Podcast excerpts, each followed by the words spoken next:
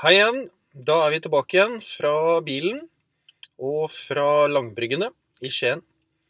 Hvor jeg skal eh, holde en liten andakt for dere, eller eh, si noen ord som jeg har eh, tenkt på.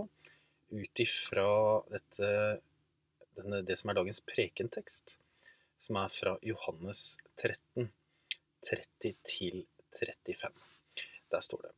Da Judas hadde fått stykket, gikk han straks ut. Og det var natt. Da han var gått, sa Jesus, Nå ble menneskesønnen herliggjort, og Gud ble herliggjort gjennom ham. Og er Gud blitt herliggjort gjennom ham, skal også Gud herliggjøre ham, og gjøre det snart. Mine barn, ennå en liten stund er jeg hos dere, og dere skal søke meg, men det jeg sa til jødene, sier jeg nå til dere også. Dit jeg går, kan ikke dere komme. Et nytt bud gir jeg dere. Dere skal elske hverandre. Som jeg har elsket dere, skal dere elske hverandre. Ved dette skal alle forstå at dere er mine disipler, at dere har kjærlighet til hverandre.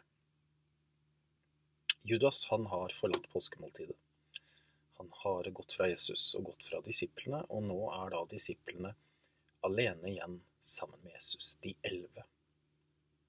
Og dette skal jo vise seg å bli avslutningssamtalen som Jesus har med de elleve. Og det virker som at det Jesus skal si nå fremover, at han ikke kunne si det når Judas var der. Og i løpet av de neste kapitlene, dette er jo 13, så kommer kapittel 14, 15, 16, og så avsluttes det med en lang bønn som Jesus ber i kapittel 17. Så forteller Jesus noen grunnsannheter som vi bygger den kristne troen på.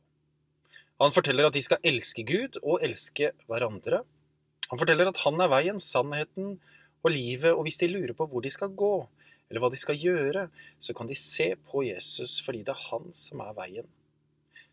Sier han dem et løfte om Den hellige ånd. Han snakker først om fredsfyrsten, at de skal bli fylt av en fred som overgår all forstand. Han forteller en lignelse om vintre, og at de som tror på han, alltid, for alltid, er poda på, knyttet til og koblet til hans kropp. Og det eneste som disiplene trenger å gjøre, det er å bli i Jesus. Akkurat som en gren som er poda på et vintre. Så lenge du ikke det river den av igjen, så står den fast. Så kaller Jesus disiplene for vennene sine. Han kaller dem ikke for slaver eller andre ting, men han kaller dem for vennene sine. Han sier at de ikke lenger er en, en del av denne verden, men at de har fått en ny identitet i himmelen, som Guds barn. Og han forteller om dette løftet av Den hellige ånd igjen. Han gjør det flere ganger, og nå snakker han, om at det er talsmannen. Altså en mann som taler, eller en, en som skal peke på Jesus, som skal vise oss rett og galt og åpenbare synd i verden, og så skal denne talsmannen også veilede dem til sannheten. Og ikke minst så sier han at sorgen skal bli til gleden. Og lite visste disiplene hva han mente med det, men vi vet jo det fordi vi kjenner hele historien. At den sorgen som de kjenner på på langfredag dagen etter og på lørdagen og første påskedag i starten, den sorgen skal bli snudd til glede ved hans oppstandelse. Og Det er derfor jeg sa det i stad, det som vi sier under begravelser, lovet være Gud, vår Herre Jesu Kristi Far, Han som i sin rike miskunn har født oss på ny til et levende håp. Sorgen skal bli til glede. Savnet skal bli borte fordi vi skal møte dem igjen. Hva er oppsummeringen til Jesus før han ber denne lange bønnen som vi kaller for Jesu ypperste prestelige bønn? Så, ber, så sier Jesus, vær frimodige, for jeg har seiret over døden. Dere trenger ikke være redd for noe, gutter. Trenger ikke bekymre dere for noe, men dere kan være frimodige og hvile i at jeg har seiret over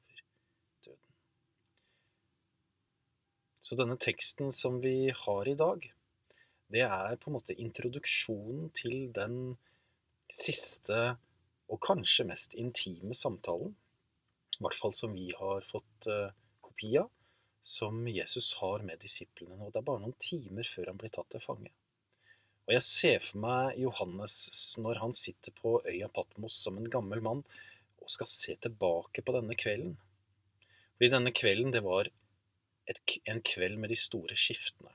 Det var glede og sorg, forundring og forventning. og Kanskje Johannes tenker hva var det Jesus egentlig hadde sagt? Og hvordan hadde han sagt det? Hva slags tonefall brukte han? Hvordan var det å være der? Og så ser jeg for meg at disiplene, de, de lå jo egentlig til bords, men nå tror jeg faktisk at de sitter. De retter seg litt opp når Judas går ut i mørket, forundra. Og når Jesus taler, så setter de seg litt frem på stolen, og det er helt stille. Jeg tror det er noe helt spesielt som skjer. Kanskje de retter seg i ryggen eller lener seg fremover som nysgjerrige barn. Og så får de slengt inn noen spørsmål innimellom. Fordi Jesus sier jo mye i disse kapitlene, men de, de spør jo blant annet vi vet ikke veien, hvor er den? De forstår ikke helt hva han mener, og det er derfor noen av disiplene også sier litt lenger ute i kapitlene hva mener han egentlig? Og Jesus skjønner at denne kvelden er en kveld hvor eh, det er mange kontraster, og at de kanskje er engstelige for eh, hva som nå skal skje. Og så sier Jesus, også dere er engstelige nå, men jeg skal se dere igjen. Hjertet deres skal glede seg, og ingen skal ta gleden fra dere. Og på den dagen, altså en gang fram, skal dere ikke ha mer å spørre meg om. Vet, disse versene her, i kapitlene 13 til 17, i Johannesevangeliet blir sett på som kanskje de mest dyrebare og intime tekstene i hele Det nye testamentet.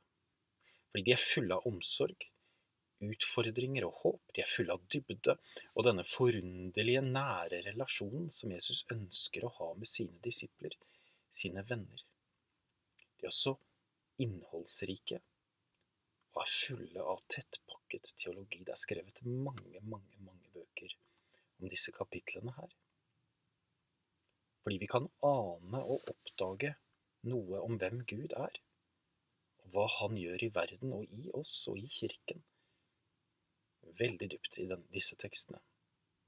For du vet at der du finner rik dybde, eller stor dybde, der finner du også dyp teologi. Overfladisk tenkning og overfladisk kjærlighet, det følger hverandre. Men eh, dyp tenkning og rik kjærlighet og teologi, det følger også hverandre. Og sånn er disse kapitlene her. Og det er derfor mange troende mennesker går til nettopp kapitlene 13 til 17 i Johannesevangeliet for å hente trøst og oppmuntring for livene sine. Og kan godt hende det også er sånn for deg. At det er her du henter når Jesus sier 'jeg er veien', vær ikke bekymret, osv. Men i versene våre så gir han disiplene altså et nytt bud at dere skal elske hverandre. Som jeg har elsket dere, skal dere elske hverandre. Ved dette skal alle forstå at dere er mine disipler, at dere har kjærlighet til hverandre. Disiplene de kjente det som er den jødiske bibel, som for oss er Det gamle testamentet. Og i tredje Mosebok så står loven om kjærlighet. Der står det du skal ikke ta hevn, og ikke bære nag til landsmennene dine, men du skal elske din neste som deg selv. Og dette kjente disiplene til. Ikke ta hevn, ikke bære nag til landsmennene dine, men du skal elske din neste som deg selv. Så nyheten i det Jesus formidler, handler egentlig ikke om at de ikke har hørt dette før. Det handler om at Jesus høyner det.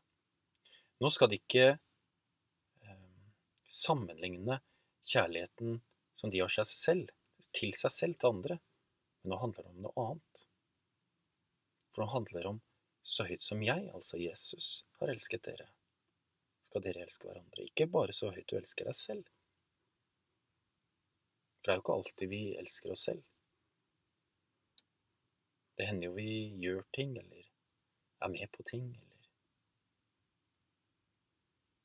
Som gjør at det er vanskelig å elske seg selv. Det er ikke det Jesus sier. Han sier som jeg har elsket dere, skal dere elske hverandre. Det Jesus egentlig sier, er at de skal kopiere ham. Akkurat som fotvaskingen som Jesus gjorde når han vaska disiplenes føtter, det kan du lese om i kapitlene før, så må disiplene nå se tilbake på hele Jesu liv. Ikke bare noen sånne små vers her og der, men de må se på hele livet hans. Når de skal kopiere han og kopiere hans kjærlighet. De må se på hvordan han møtte mennesker, hvordan han snakket med dem, hvem han gikk til, hvem som var viktig for ham. Fordi han skulle bli deres forbilde, deres eksempel, slik han var skulle de også være. Du verden for å heve terskelen. Du vet også det at kjærlighet, det handler først og fremst om andre. Om et annet menneske. Den andre eller de andre. Der du gir ikke for å vise deg frem eller få et godt rykte eller få god samvittighet eller bli godt likt men det handler bare om å gjøre det gode for et annet menneske i seg selv, uten baktanker, uten flere motiver. Eneste motivet er å elske. Og evangeliet, de gode nyhetene, historien om Jesus Kristus, det er ikke et verktøy for å få det sånn som vi vil ha det. Det er heller ikke et verktøy for å trykke ned andre, og det er i hvert fall ikke et verktøy for å forskjellsbehandle. Men evangeliet er et verktøy til å elske, til å inkludere, til å gi rom for. For evangeliet, det er grensesprengende, for Jesus sprenger grenser hele veien. Det tar nye veier, nye formater. Og vi som ønsker å følge etter Jesus, vi må hele tiden kalibrere vårt hjerte og våre motiver, våre holdninger, våre verdier, for å se elsker vi vår neste. Strekker vi oss ut over våre egne motiver, er vi åpne for å elske alle vi møter. For evangeliet er ikke et verktøy for at du skal elske kun dem som er innenfor din egen ramme, og som bekrefter hvem du er. Nei, evangeliet er noe mye mer. Noe grensesprengende. Et mysterium. Hm. Av og til kan jeg tenke at det aller enkleste hadde vært hvis vi alle gikk i samme uniform. At vi alle tenkte likt, gjorde likt og var like. Tenk så enkelt det hadde vært. Hvis vi alle tenkte på samme måte, alle så ut likt omtrent, og at vi var like. Det hadde jo vært superfint, hadde ikke det? Og spesielt kan vi tenke hvis alle var som meg. Fordi man kan jo bli stressa av alle de ulike meningene, holdningene og klærne vi tar på. Og jeg lurer på om det kan være en idé, når vi strever med å forstå evangeliets grensesprengende natur, og heller tenke nå, Martin, nå må du slappe av, nå må du ta det med ro, nå må du senke skuldrene, og så må du la Gud få virke, ikke på kort sikt, men på lang sikt. La Gud få virke på lang sikt. Fordi det er jo han som er kirkens herre. Og det å være kristen eller troende, det er også å ha Ånden, Den hellige ånd. Fordi alle troende er gitt Den hellige ånd. Og det er denne ånden som gir liv, som gir tro. Den gir liv. Og kirken, det er åndens fellesskap. Det er et åndsfylt fellesskap som fornyer både livet og troen og sannheten i oss hele tiden. Det er hele tiden, kontinuerlig, en fornyelse. Og så gir Ånden oss noe konkret også. Den gir oss et åpent nattværbord, hvor alle er velkommen, uansett hvor du er på trosstigen, eller på trosstien, eller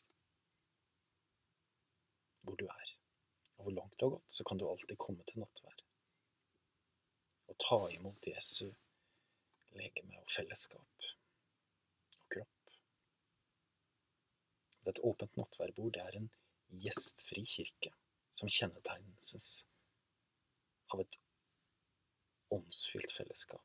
Det er gjestfrihet. Og så er det fortrolighet. Og så er det tjeneste. I det siste så har jeg tenkt at det er en hårfin grense mellom nåde og dom. Det er en hårfin grense for meg å være nådefull og det å dømme. Det å bygge opp eller det å bryte ned. Det er en hårfin grense. Og jeg tror at Kirken og kirker i dag, i SMK og overalt egentlig, så trengs det mennesker som våger å tenke én gang til. En ekstra gang, en ekstra runde. For det er ofte ved fortrolighet, men ikke minst tålmodighet, som kjærligheten bygges opp over tid. Det er nemlig jo i fortrolighet og tålmodighet som vi vokser. Så når Jesus sier at vi skal elske hverandre slik han har elsket oss, så kan jeg se på han, og så kan jeg se på mitt liv, og så kan jeg se at Gud, han er veldig tålmodig med meg. Jeg vil nesten si han er spesielt tålmodig med meg. Og han er mest sannsynligvis også helt spesielt tålmodig med deg. Og likevel så kaller han oss til å gjøre som ham, ikke være oppfarende, men å være nær, tålmodig og fortrolig. Ikke rask til å dømme, men rask til å være tålmodig og fortrolig. Det er det som er kjærlighet, dere. Det er det som er nåde. Av og til sier jeg til folk jeg snakker med, at du må huske at tiden er din venn. Du dårlig tid. Tiden er din venn. Ikke stress med dette.